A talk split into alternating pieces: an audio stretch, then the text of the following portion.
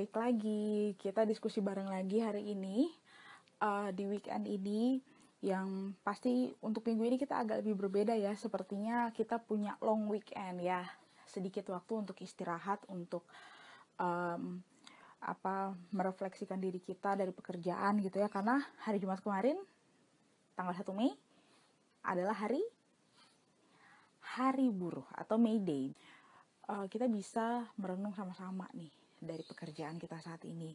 Mungkin uh, sebelumnya aku turut merasakan apa yang teman-teman mungkin saat ini sedang rasakan seperti ada yang unpaid leave atau ada yang uh, merasakan dirumahkan atau ada juga yang uh, harus dikeluarkan dari perusahaan karena pandemik corona ini atau pandemik covid-19 ini well aku yakin uh, ketika kalian mengalami hal ini akan ada banyak seribu pintu perusahaan di luar sana yang nungguin kalian. Jadi jangan pernah patah semangat karena aku yakin skill kalian itu dibutuhkan oleh banyak perusahaan.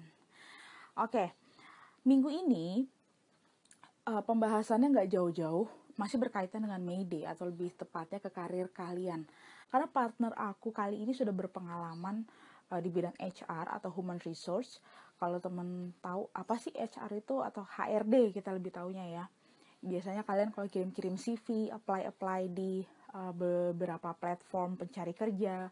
Untuk kali ini teman aku ini kita akan bahas tentang judulnya adalah career pathway and development. So, uh, kurang lebih um, lebih ke perjalanan karir kita di perusahaan dan bagaimana kita mengembangkan itu untuk ke depannya, baik di perusahaan yang sama maupun untuk perusahaan ke depannya. Teman aku ini namanya Febri uh. Dia uh, teman aku udah dari SD ya Feb. Nanti kalian akan dengar sendiri uh, secara singkat perkenalan soal Febri ini. Karirnya tuh dari awal dari kuliah tuh lulusan mana, terus udah gitu magang di mana, berapa lama. Nah itu nanti akan kita bahas. So Teman-teman semua, siapin headsetnya, chargerannya jangan lupa jangan sampai lowbat gara-gara dengerin diskusi ini. Sayang banget kalau kelewatan. Oke, okay? stay tune. Jadi uh, sebenarnya uh, gue lebih pengen tahu gini. Uh, mungkin lo bisa sharing perjalanan singkat karir lo di perusahaan pertama sampai sekarang entah itu uh, divisi, job desk pekerjaan lo, terus berapa lama lo bekerja di perusahaan itu jadi gue lulusan dari D3 Manajemen Rumah Sakit di Universitas Indonesia. Uh, waktu itu salah satu syarat kalau kelulusannya itu harus magang di sebuah rumah sakit dan gue magang di Rumah Sakit Hermina Galaxy di Bekasi. Buat orang yang tinggal di Bekasi pasti familiar karena tempatnya sebelahan sama mall. Oke, okay, gue magang di sana, lalu ditawarin kerja juga di sana selesai magang waktu itu hanya sebagai perbantuan untuk staf akreditasi. Lalu setelah itu, setelah akreditasinya selesai, ditawarin kerjalah sebagai staf uh, mutu waktu itu di sana. Jadi staf mutu yang job desa kebanyakan survei, survei ke pasien. Survei ke pasien baik uh, internal maupun eksternal juga sih. Lalu gak berapa lama gue dipindahin divisi jadi sekretaris direktur direkturnya di sananya satu direktur utama karena direktur cabang ya jadi gue ngehandle satu orang aja uh, kalau untuk job desk sebagai sekdir ini uh, lebih banyak ke administrasi sama ketemu beberapa orang juga karena untuk bikin janji dan schedule sama direkturnya oke gue kerja di Galaxy itu dari tahun 2015 sampai 2017 bulan September. Lalu setelah dari September itu gue resign, seminggu kemudian gue kerja di tempat yang baru, which is tempat gue kerja sampai sekarang. Jadi udah mau jalan hampir tiga tahun. Uh, gue kerja di sebuah perusahaan farmasi, uh, Mega Care namanya Eh, jadi headquarternya itu ada di Bangkok dan di sini itu cabang yang di Indonesia nya ada di daerah Jakarta Pusat. Uniknya, gue kerja di sana waktu itu sebagai awal masuk sebagai HR admin uh, karena kebetulan itu sesuatu yang baru juga dari job desk yang terakhir ya why not? Tahun gue uh, naik jadi HR eksekutif uh, currently gue punya tiga subordinate langsung yang report ke gue. Dan karena di sini um, HR executive HR executive sekaligus uh, head of HR division jadi gue langsung report ke country manajernya seperti itu. Wow oke okay. luar biasa ya. Jadi um, totally lima tahun untuk uh, lo kerja di dua perusahaan yang berbeda nih. Uh, mungkin buat teman-teman ini ada yang mungkin pernah ngalamin gini um, kalau tadi kita dengerin ceritanya dari dari Febri ya perjalanan karirnya dua tahun terus sekarang tiga tahun udah sudah mau tiga tahun nih di Mega We Care. And then uh, perjalanan itu nggak nggak statis gitu-gitu aja tapi uh, kadang lo ditempatkan sebagai apa sebagai apa and then lo uh, pindah lagi ke Mega Care lo awalnya tuh sebagai HR admin terus udah gitu lo dipindahin lagi segala macam but so far so good menurut gue dari cerita lo gitu ya. Ada teman-teman mungkin yang pernah ngalamin gini um, oke okay, gue di uh, di divisi A pekerjaan gue A lalu uh, atasan kalian minta oke okay, lo mau nggak gue pindahin ke divisi B? gitu dengan job desk yang mungkin berbeda tapi masih ada relate-nya dikit-dikit lah gitu. Terus lo uh, melakukan sebuah rejection lo nggak mau gitu. Ah nggak mau lah kayak segala macam bla bla bla gitu kan.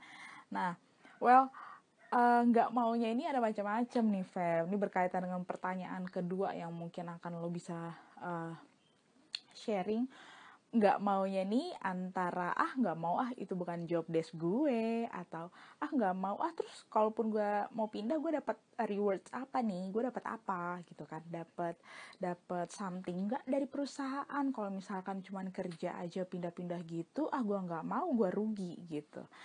Uh, mostly pasti teman-teman pernah merasakan itu. Sometimes gue pun pernah berpikir hal seperti itu waktu awal-awal berkarir ya uh, mungkin lo bisa share ke teman-teman apa sih pengertian dari uh, career pathway and development di perusahaan kita sekarang uh, peran lo uh, untuk para karyawan untuk perusahaan dengan uh, judul kita hari ini sebagai career pathway and development itu uh, seperti apa sih gambarannya? Oke, okay, uh, sebagai cara eksekutif itu kan job desknya ada beberapa ya ada banyak. Karena di kantor gue sekarang ini untuk HR divisionnya sendiri itu belum dibagi secara khusus.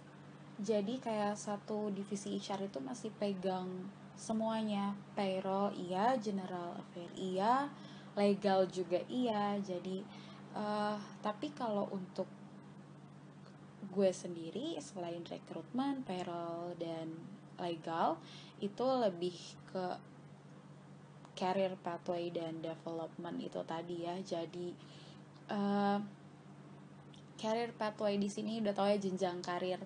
Jadi yang namanya kerja di suatu perusahaan ya gue nggak tahu ya kebanyakan orang seperti apa. Walaupun kalau gue pribadi dan lo juga pasti ngerasain siapa sih yang mau di situ-situ aja kayak masuknya jadi HR admin. Misalnya contoh let's say lalu siapa sih yang mau jadi HR admin terus?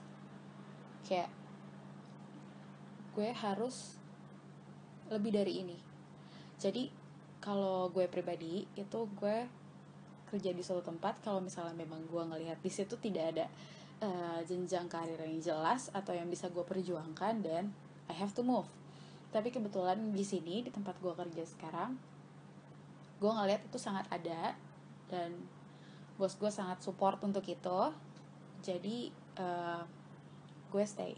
Nah itu juga yang pengen gue kasih ke orang-orang yang kerja di perusahaan gue yang sekarang ini ataupun di mana pun nanti gue bekerja di luar dari tempat gue sekarang.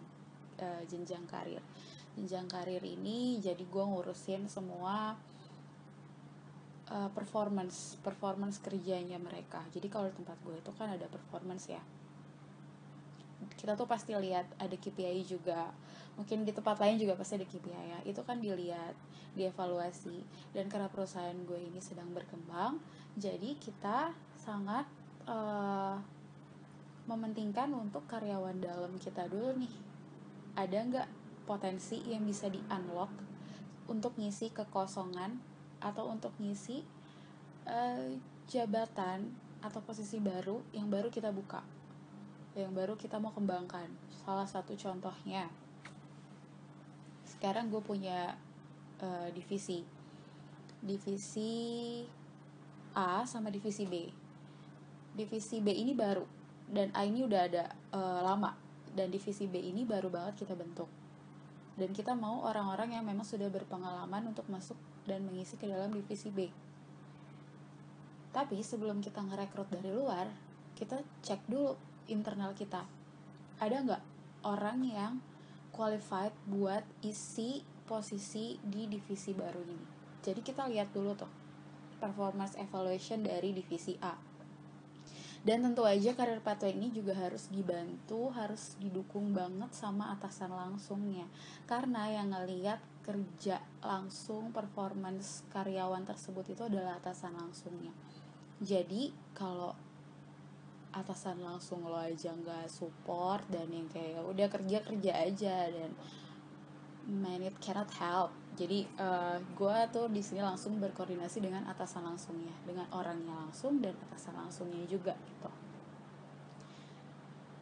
Jadi kita tuh unlock dulu dalam uh, internal kita kalau memang ada yang bisa ngisi posisi itu dan why not?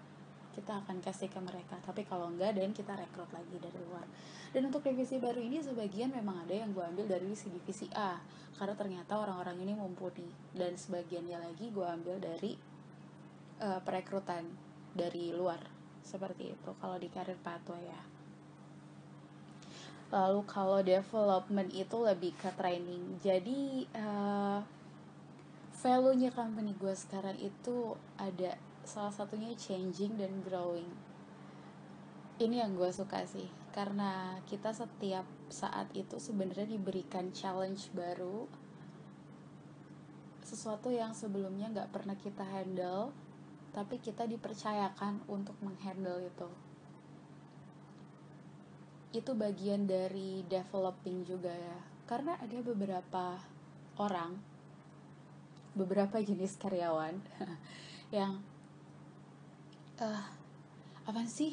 Gue kan ini bukan kerjaan gue. Ngapain gue kerjain? Atau uh, ada gaji lebihnya kak kalau gue ngerjain ini atau gue ngehandle project ini? Man menurut gue lo nggak akan dapet sesuatu yang baru kalau misalnya mindset lo kayak gitu ya. Dan uh, itu yang pertama gue lihat juga dari uh, sisi karyawan dan even dari gue sendiri gitu. Uh, dia mau nggak di develop pertama harus itu. Karena ada beberapa orang yang emang harus didorong terus didorong terus setiap hari di push harus itu gini gini gini gini harus dikasih tahu. Tapi gue nggak akan pernah capek kalau orang itu mau di develop tapi kalau dari, dari awal memang udah deny udah nggak mau dari jack udah nggak mau di develop ya itu akan susah mau sampai berbusa seberbusa apa pun lo jelasin ke dia itu nggak akan nyampe. Jadi si uh, employee development ini juga uh, penting. Salah satu faktor pentingnya adalah kemauan dan kesadaran si karyawan itu sendiri. Dan I would be really happy to help them who wants to grow. Jadi itu kenapa kalau untuk subordinate gue langsung gue sangat memperhatikan job desk mereka sekarang ngapain aja. Ada hal lain nggak yang sudah mereka bisa lakukan di luar itu? Yang ternyata mereka lakukan di luar job desk itu dan hasilnya bagus gitu. Dan itu gue pasti akan komunikasikan ke atasan gue juga gitu. ini anak dia bisa handle ini ini ini ini loh ternyata tanpa gue suruh dan hasilnya bagus loh. Kira-kira ke depannya bisa nggak dia kita ikutin training ini? Bisa nggak dia kita suruh handle ini? Dan itu bu kita uh, mempercayakan bukan dengan langsung oke okay, coba deh lo kerjain ini langsung 5 juta nih di depan lo. Enggak karena itu kita uh, bukan develop dia apa ya kalau menurut gue itu bukan develop dengan mengulik kesadarannya tapi develop dengan mengiming-imingi sesuatu. Jadi nanti I don't know uh, with anyone else but menurut gue itu hasilnya nggak akan baik. Gitu. Jadi rewardnya pasti ada pasti ada nggak mungkin tutup mata. Cuman lebih ke asah kemampuan lainnya biar dia berkembang dulu itu baru selanjutnya dikasih reward seperti itu itu untuk employee development untuk uh, isu atau masalah yang akan dihadapi selanjutnya adalah kan nggak semua HR nggak semua uh, teman-teman di tim uh, development management di sebuah perusahaan itu aktif nih kayak lo. Nah, buat teman-teman yang lagi dengerin atau lagi nonton uh, diskusi kita kali ini untuk uh, pertanyaan ketiga nih Feb gimana cara karyawan bisa mengembangkan ka uh, karirnya di kantor? Terutama untuk teman-teman yang mungkin uh, sulit nih menghadapi situasi kondisi yang uh, gue nggak bisa ngandelin HR nih gue nggak bisa ngandelin uh, tim dari development management nih. Uh, jadi mungkin lebih ke arah uh, circle-nya lebih kecil, lebih ke dia, atasan dan uh, timnya gitu. Gimana cara dia bisa mengembangkan karir dia di perusahaan dengan situasi kondisi seperti itu? Oke, okay, ini good question sih. Uh, how to develop an employee ya. Kalau bicara dari sisi pribadi, which is dari gue sebagai karyawan, gimana caranya biar gue bisa berkembang? Satu, yang tadi gue singgung di awal kalau gue masuk ke suatu perusahaan itu ya emang awalnya nothing tulus ya dan tertarik juga sama perusahaannya. Tapi kan uh, berapa bulan lo jalan di sana lo bisa lihat di situ uh, lo bisa grow gak lo bisa berkembang gak ada kesempatan lo buat naik gak atau seenggaknya gak langsung naik tapi ada value yang bisa lo dapet gak dari situ? Sesuatu yang bisa lo pelajari. Bukan cuma duduk buka Excel lo di depan komputer lo sum lo VLOOKUP lo kerjain ini di Microsoft Word margin bla bla bla. Nggak cuma itu tapi ada nilai lain gak yang bisa lo dapat gitu. Jadi kalau uh, sebagai dari sisi gue pribadi sih gimana caranya gue untuk berkembang? Satu gue pasti lihat baca kondisi perusahaan seperti apa. Itu tadi ada hal yang bisa gue ambil atau enggak dan jangan malu untuk bertanya. Gue nggak suruh kalian ngejilat bos ya. Cuman kayak ya memang punya relationship yang baik sama bos itu perlu.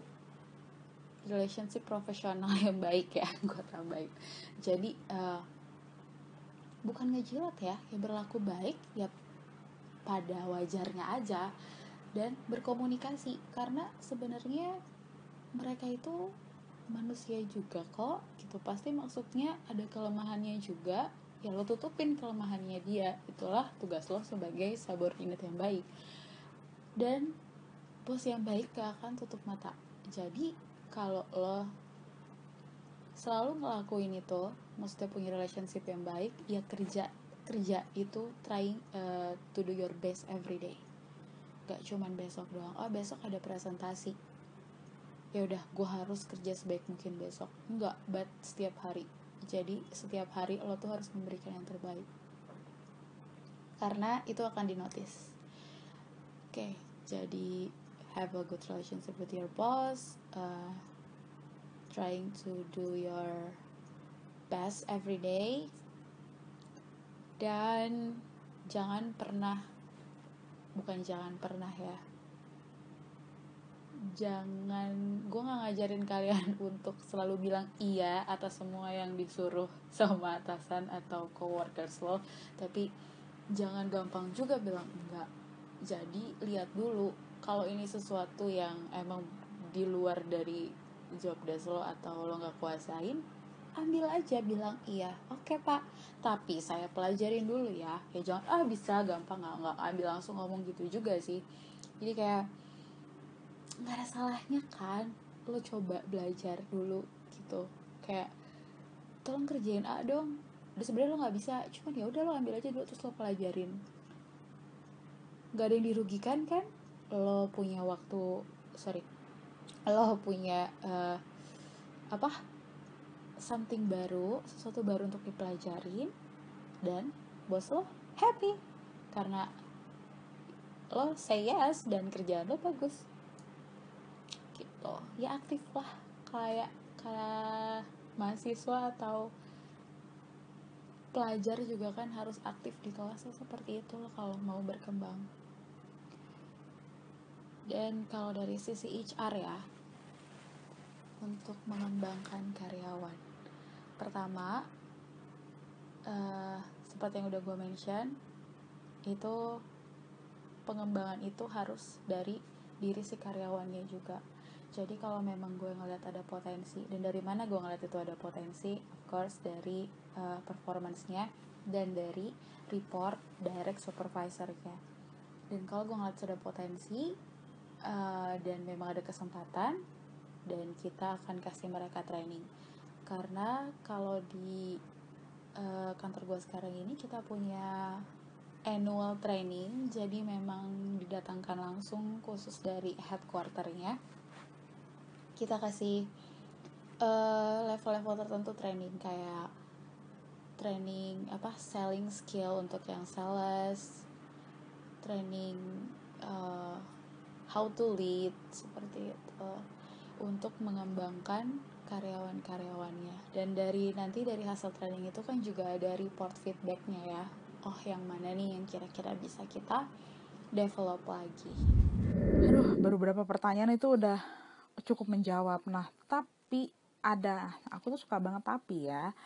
Untuk uh, pertanyaan keempat, normalnya nih dari pertanyaan pertama sampai pertanyaan ketiga, normalnya uh, Feb, berapa lama seorang karyawan itu bisa mengembangkan karir, sudah mengembangkan karir nih, ya kan sudah mau di develop, lalu maju untuk next step karir di perusahaan yang tadi balik statement lo yang di awal bahwa pasti kita nggak mau dong kerja di situ-situ aja. Kita mau berkembang di situ. Kita mau nggak munafik juga. Mau dong kita punya mimpi untuk naik jabatan dari yang tadinya sekedar uh, staff-staff aja. Terus mau dong jadi supervisor mau dong jadi manager mau dong jadi bla aduh tinggi banget lah itu ya. Kita pasti punya mimpi ke arah situ. Tapi normally dalam uh, kita bekerja untuk suatu perusahaan, untuk sebuah perusahaan, berapa lama uh, kita bekerja atau stay di perusahaan itu? Wah, ini kalau berbicara waktu, waktu Tuhan itu yang terbaik.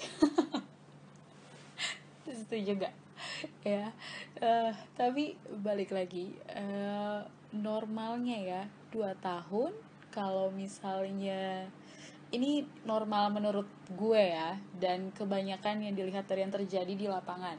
Bukannya normal baku aturan dari uh, undang-undang apa atau apa enggak. Jadi menurut gue dan melihat kondisi di lapangan ya kebanyakan dua tahun normalnya. Cuman itu lagi balik lagi waktu itu kan waktu Tuhan. Dan even waktu Tuhan juga bukan berarti kayak ya udah lo do nothing tunggu waktunya Tuhan. Gak juga kan? Ya itu lo harus ngusahain juga. Kayak kemarin gue kebetulan gak tahu ya thanks God sih. Kemarin promosi itu cuman setahun tapi setahun itu berdarah-darah sih.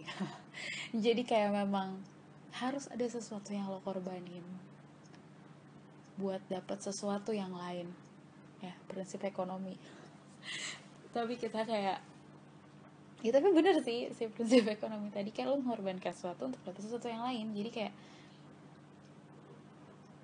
awal-awal naik itu gue kayak nggak nggak ngebayang naik. Cuman ya tadi awal-awal kerja itu gue nggak nggak ngebayang gue untuk dapat promosi. Karena waktu awal-awal masuk ke kantor gue yang sekarang ini jujur tuh susah banget masa-masa sulit. Jadi kayak kayak karena gue kerja sendirian ya. Dan itu juga mungkin bagian dari bos gue pengen ngeliat gue bisa handle nggak sendirian dengan job desk yang sebanyak itu. Ya ya itu I'm trying to do my best every day tentunya dengan bantuan beberapa orang kayak ya keluarga juga. Dan beberapa teman di kantor juga yang suportif banyak banget yang positif banyak banget. Jadi kenapa gue uh, mungkin bisa melewati satu tahun yang berdarah-darah itu dengan baik karena gue mau karena gue mau satu itu harus penting banget karena gue mau karena gue mau buktiin kalau gue bisa Enggak, bos gue nggak janjiin apa-apa pada saat itu. Nggak ada dia janji. Nanti lo naik jabatan, nanti lo dapet naik gaji. Enggak. Gue cuma mau survive dan gue tuh tipe orang yang kalau misalnya kerja di suatu tempat, gue harus benerin tuh tempat. Karena gue harus jadi terang dan garam. Dan lingkungannya juga support, bos gue juga support. Dan voila, one year I get a promotion. Sampai sekarang naik naik naik. Puji Tuhan. Ya itulah tadi. Lah ya garis good ya itu tadi kalau ditanya waktu. Jadinya balik lagi ke diri lo sendiri sih. Lo maunya berapa lama? Gitu Well, agree with you again, Verb ya. Setuju dengan statement yang tadi lo sampaikan untuk pertanyaan keempat jawabannya. Kalau udah uh, Febri tadi sampaikan satu dua tahun atau dua tahun lah untuk teman-teman stay di satu perusahaan gitu ya dan mau berkembang lagi untuk ke depannya gitu tapi ya balik lagi nih ke teman-teman kita kan nggak bisa menyamaratakan bahwa uh, kita semua harus minimal setahun atau minimal dua tahun gitu ya balik lagi ke teman-teman karena teman-teman yang jalanin. Teman-teman yang tahu situasi kondisi di perusahaan kayak apa. Teman-teman yang tahu apa yang uh, sedang dihadapi di perusahaan saat ini teman-teman yang tahu. Ini cuma kayak sumber referensi atau something like a support system aja sih diskusi ini lebih ke arah sana. Ya syukur-syukur kalau misalkan teman-teman merasa wah kayaknya oke okay, berarti gue harus stay nih dari hasil diskusi yang uh, gue sama Febri hari ini. Kalau ada karyawan yang uh, bekerja di perusahaan yang memang kurang memperhatikan uh, career pathway atau uh, development management para uh, staff atau karyawannya gitu ya. Ada nggak solusi untuk hal itu? Uh, let's say ini ini mungkin masalah yang sering dihadapi para HR ya kan ngurusin surat uh, offering dan resign gitu ya. Ketika karyawan ini merasa um, there's no solution for me gitu gak ada solusi buat karir gue di perusahaan ini. Dan dia bertanya apakah gue harus resign atau gue tetap stay di perusahaan ini? Gitu. Ketika dia merasa I have no solution. Gue gak punya solusi apa-apa dari perusahaan ini. Nah ini nih kadang-kadang yang jadi gamblingnya karyawan ya. Kayak gue nyaman di sini kerja tapi gue gak ngeliat ada jenjang karir yang jelas di perusahaan ini. Baiknya gue resign atau tetap stay karena cariin kerjaan susah lagian juga gue udah nyaman sama lingkungannya. Menurut gue lo harus jelas dulu sama diri lo sendiri. Apa yang mau lo kejar kalau lo cuman kejar nyaman dengan gaji yang segitu-segitu aja ini umumnya terjadi pada wanita yang sudah menikah dan punya anak. Ini umumnya terjadi pada wanita yang sudah menikah punya anak. Kalau misalnya mereka hanya ingin butuh nyaman gue bisa jemput anak gue uh, pulang sekolah bisa nganterin seperti itu dan gaji gue juga oke okay kayaknya karena gue juga udah punya suami yang uh, jabatannya udah tinggi dan walaupun gak ada karir pathway dan gak masalah yang penting gue happy happy aja. Ya kan? Itu tapi kalau emang lo udah jelas sama diri lo sendiri dan lo mau gak bisa. Gue harus ada karir pathway. Dan gue udah usahain sebisa mungkin gue udah ngomong ke atasan ke HRD gue tapi memang kayaknya belum ada career pathway sampai 2 atau 3 tahun ke depan sementara goals gue gue harus ada di posisi ini dalam waktu 5 tahun atau 10 tahun yang akan datang dan masih banyak banget perusahaan di luar sana yang mungkin lo nggak tahu mereka nyari sesosok mereka nyari sesosok karyawan yang seperti lo yang qualified seperti lo. Lo gak akan pernah tahu. Jadi ini juga pengalaman pribadi juga sih sebentar ada rasa takut waktu itu mau resign bla bla bla. Cuman ya emang kalau emang udah jalannya lo harus resign pasti ada aja nanti. Kayak nggak tahu ya dari mana. Kayak ada aja. Ya entah lo ditawarin kerja atau ternyata uh, lamaran yang lo apply goal gak ada yang tahu. Jadi kayak emang lo jangan pernah takut nyoba sih. Kalau emang lo ngerasa sudah sudah waktunya lo pergi dari perusahaan lo. Jadi balik lagi lo harus jelas sama diri lo sendiri. Itu penting. Kayak yang tadi gue bilang waktu gue bilang gak sih? Jadi waktu pindah dah dari uh, perusahaan satu ke perusahaan yang sekarang itu masih 24 tahun yang gue masih bener-bener ya udah coba aja coba aja.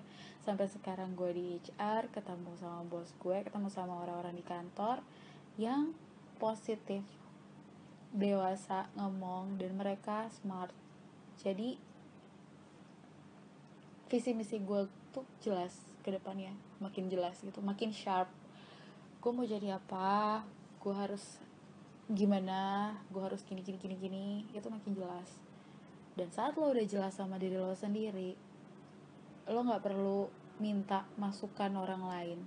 Karena lo pasti tahu apa yang harus lo ambil kadang kebanyakan masukan dari orang justru akan membuat lo bingung. Jadi resign or stay and bla bla bla. Kalau lo udah jelas sama diri lo sendiri lo tahu lo harus ambil langkah apa? Resign kah atau stay kah?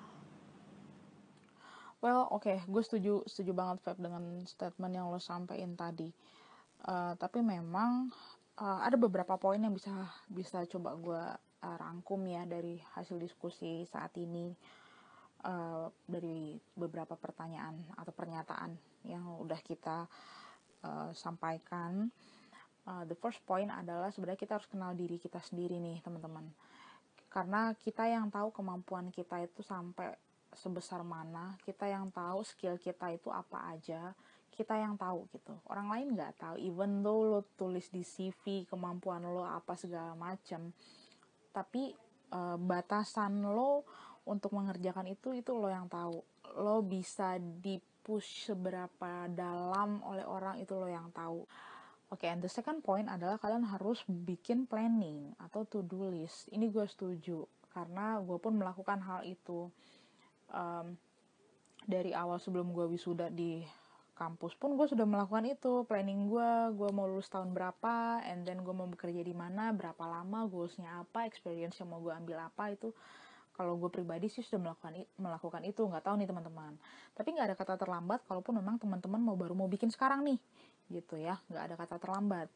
Jadi e, bikin planning kalian untuk karir kalian itu ke depannya mau seperti apa. Dalam 10 tahun kalian itu mau bekerja di perusahaan mana aja berapa lama dan experience apa aja yang mau kalian capai gitu. Itu menurut gue uh, sah-sah aja gitu kan. Febri pun dari uh, sisi HR pun menyampaikan statement bahwa itu balik lagi ke diri kalian masing-masing karena kalian yang tahu kapan kalian harus resign, kapan kalian harus stay itu kalian yang tahu. Balik lagi ke poin awal ya, kalian yang kenal diri kalian masing-masing. Oke, okay, and the third point adalah uh, kalian harus mau di develop nggak kalian sih gue juga Febri juga siapa pun lah kita harus mau di develop uh, oleh uh, perusahaan dalam artian perusahaan ini adalah uh, tempat kita bekerja um, tempat kita cari duit juga gitu kan. Kita harus mau dibentuk mau di develop oleh perusahaan untuk lebih uh, baik lagi. Mungkin ada teman-teman yang pernah mengalami atau uh, saat ini sedang mengalami ketika kalian sudah uh, yang Febri bilang tadi ya you should do uh, your best gitu kan. Ketika kalian mau di develop kalian mau melakukan yang terbaik untuk perusahaan maka kalian akan berkembang di sana. Dan ketika kalian mungkin ada yang gue udah uh, giving our best. Kita sudah memberikan yang terbaik untuk perusahaan. Tapi kenapa ya?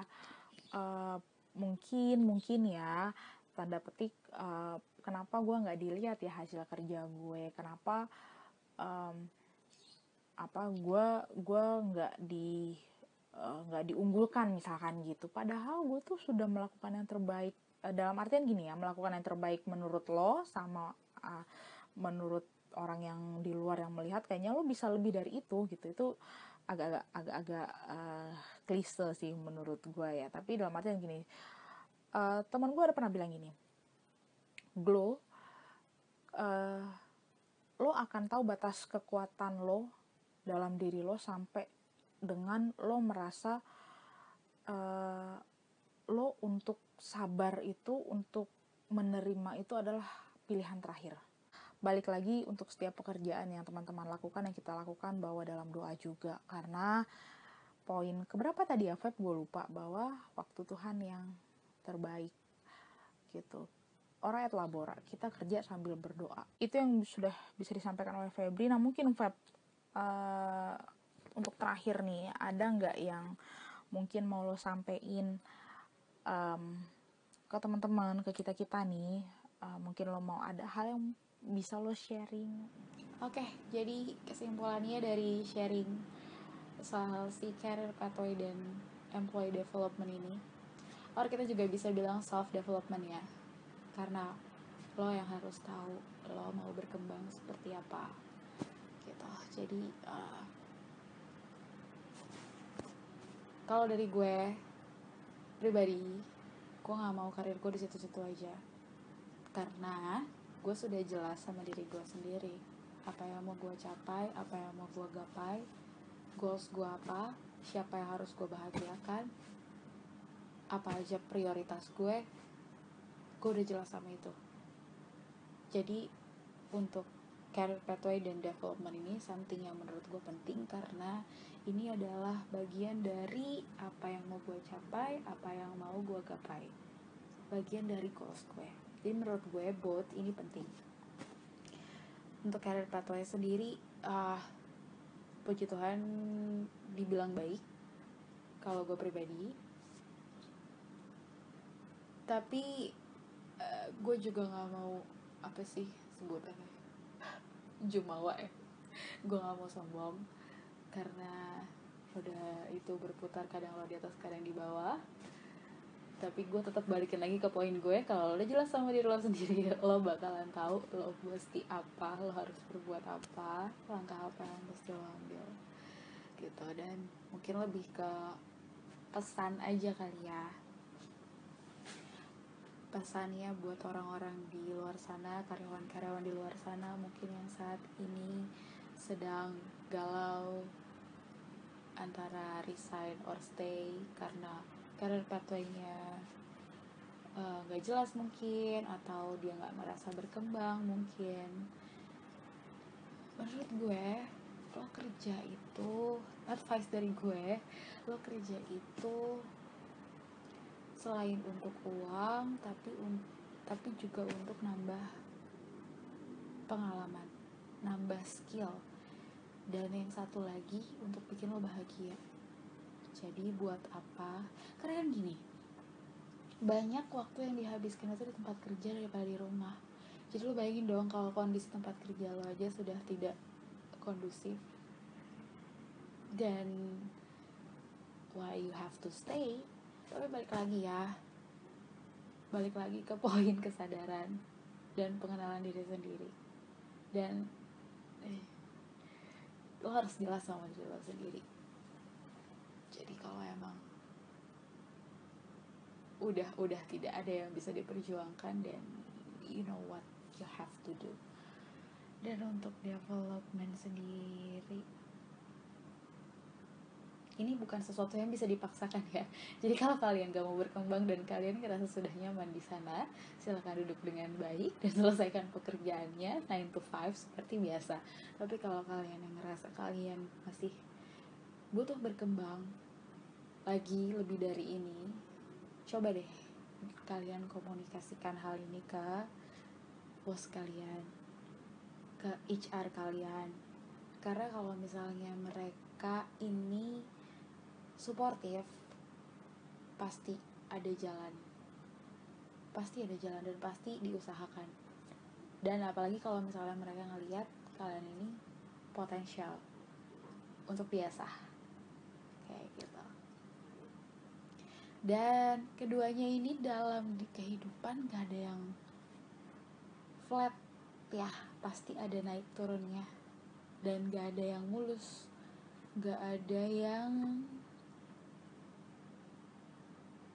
udah pasti gue kerja setahun dua tahun pasti gue dapet promosi kalau nanti enggak nggak gitu pasti ada aja. Either politik di dunia kerja itu banyak ya either pasti kalian ada ngerasain politik atau memang kalian ya amit-amit ya sekarang si covid ini ya kan bikin jadi uh, perekonomian di perusahaan itu kan lagi nggak stabil. Jadi ini salah satu faktor juga mungkin yang tadinya lo harus dipromosi tapi karena ada hal ini jadi kan gak jadi. Ini salah satu faktor juga. Jadi kayak itu tadi gue bilang gak mulus itu selalu bisa datang dari mana aja. Jadi jangan dipikir ya udahlah setahun dua tahun kerja pasti gue promosi pasti gaji gue naik pasti gue berkembang gak juga.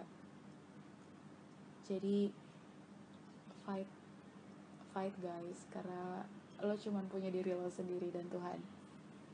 Ya gue ngerti lo punya keluarga lo punya mungkin uh, pacar atau adik kakak. But again they cannot help you much if it related to professional work. Lo cuma punya diri lo sendiri. Ingat itu lah. Jadi dan lo harus jelas sama diri lo sendiri. Itu yang penting. Lo harus fight till the end. Karena lo cuman punya diri lo sendiri dan Tuhan of course. Dan untuk membantu Tuhan menjawab waktunya, marilah kita juga berusaha seperti itu. Oke, okay, kayaknya I hope everything is clear ya and lo semua dapat message yang gue sampaikan. Senang sih sharing kayak gini, jadi kayak jadi kayak malah pengen marah-marah. Gak marah-marah sih kayak ayo ayo semangat semuanya pasti bisa kita pasti bisa naik jabatan kita pasti bisa berkembang gitu. Asal kalian mau. Seperti itu sih oke okay, teman-teman. Thank you Feb untuk waktunya untuk Febri uh, yang saat ini bekerja sebagai head of uh, eh, HR ya Feb ya di Mega Wicare sukses buat karirnya sukses juga buat kehidupannya dan lain-lain lah pokoknya sukses. Uh, buat teman-teman semoga diskusi ini bisa uh, jadi inspirasi buat kalian jadi support buat kalian also for me buat gue juga.